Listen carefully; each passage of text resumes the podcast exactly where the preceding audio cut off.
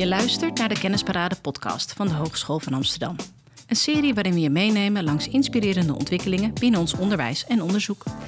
Wanneer je als student stage gaat lopen, kom je soms weerstand tegen die niets met jouw kennis of inzet te maken heeft, maar wel met jouw identiteit.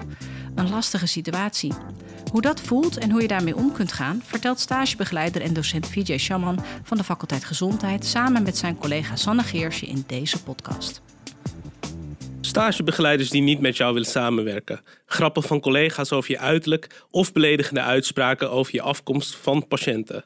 Vanuit nieuwsberichten wordt steeds beter zichtbaar dat stagediscriminatie ook binnen de gezondheidszorg een veel voorkomende gebeurtenis is. Stagediscriminatie krijgt op dit moment op politiek niveau aandacht.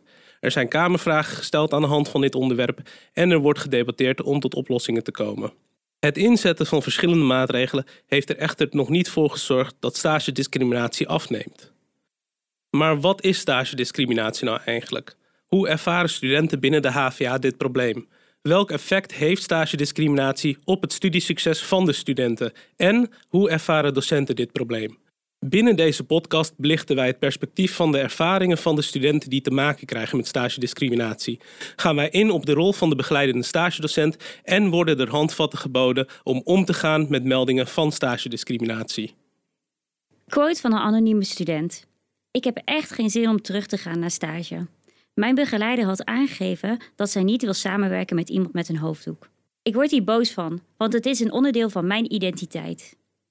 Stagediscriminatie is vooral bekend vanuit de verhalen van studenten die geweigerd worden voor een geschikte stage door verschillende redenen. Het tekenende hiervan is dat de afwijzing vaak te herleiden is naar afkomst, religie, geaardheid of huidskleur. Binnen de gezondheidszorg ligt dit net wat anders. Omdat het stagebureau een stage uitzoekt voor de student, is er altijd een stageplek aanwezig. Stagediscriminatie binnen de gezondheidszorg zal dus anders gedefinieerd moeten worden. De definitie die wij hanteren is het ervaren van discriminatie door het gedrag van collega's, patiënten of dienstfamilie. Stagediscriminatie is altijd gericht op de diversiteitsaspecten van de student. Diversiteitsaspecten kunnen breed geïnterpreteerd worden. Zo kan er gedacht worden aan gender, maar ook aan uiterlijke kenmerken als huidskleur, haarkleur of tatoeages. Stagediscriminatie doet veel met de student die dit ervaart. Het laat niet alleen een naar gevoel achter bij de student, maar er worden veel diepere wonden geslagen.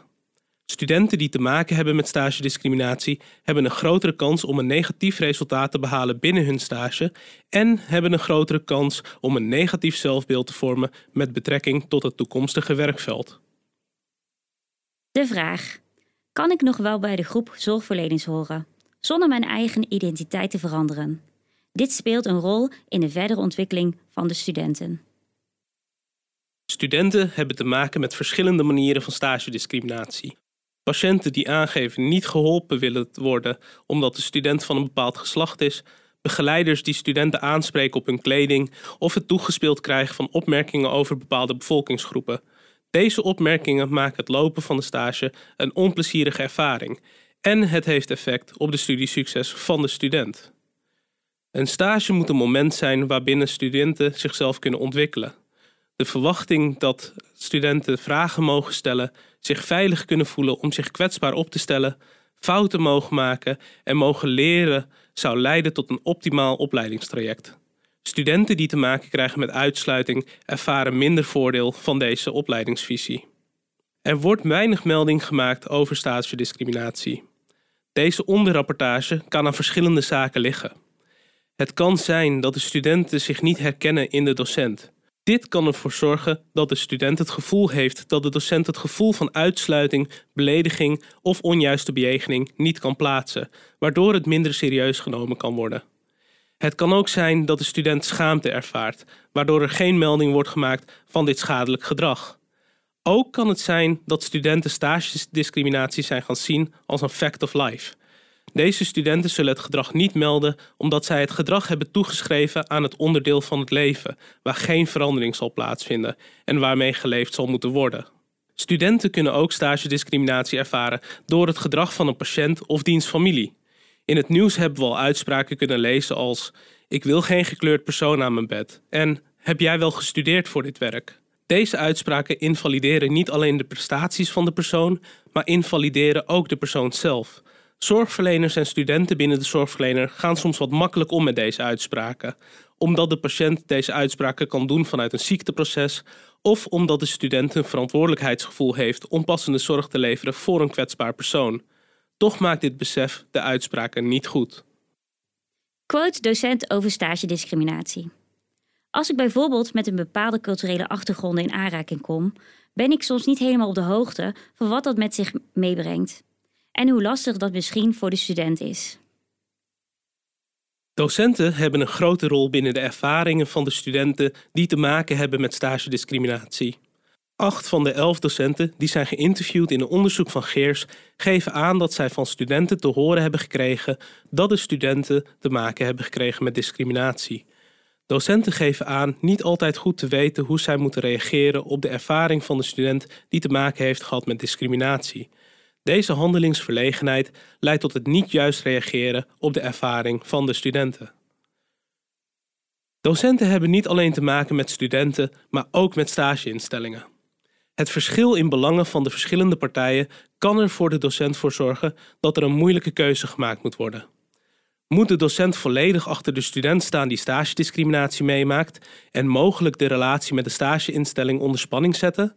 Of moet de student de situatie relativeren om ervoor te zorgen dat de relatie met de stageinstelling goed blijft en dat meerdere studenten stage kunnen blijven lopen?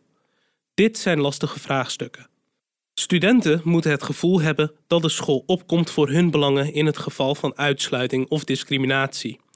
Uitingen van stagediscriminatie moeten ten alle tijde serieus genomen worden. Het bagitaliseren van de situatie mag nooit een ingang zijn voor het gesprek. Het bagitaliseren van een situatie gebeurt niet alleen door de ervaring te ontkennen, maar ook door te vragen of de student de situatie echt heeft ervaren als hoe het wordt verteld. Dit zorgt voor een vertrouwensbreuk tussen de student en de docent. Als een docent te maken krijgt met verhalen van discriminatie op de stageafdeling, kunnen de volgende zaken gedaan worden. De docent moet de tijd nemen om de ervaring van de student op te nemen. Hier moet de student de ruimte krijgen om het verhaal te vertellen op de wijze waarop de student zichzelf comfortabel voelt. Na het aanhoren van het verhaal moet er samen met de student onderzocht worden welke vervolgstappen er genomen kunnen worden. De keuze voor de vervolgstappen moet overlegd worden met de student om ervoor te zorgen dat de student betrokken blijft bij het proces. De docent moet een melding maken bij het stagebureau en de teamcoördinator om aan te geven dat een student te maken heeft gehad met stagediscriminatie. De student mag ervoor kiezen of de situatie anoniem wordt aangedragen of dat de naam van de student genoemd wordt.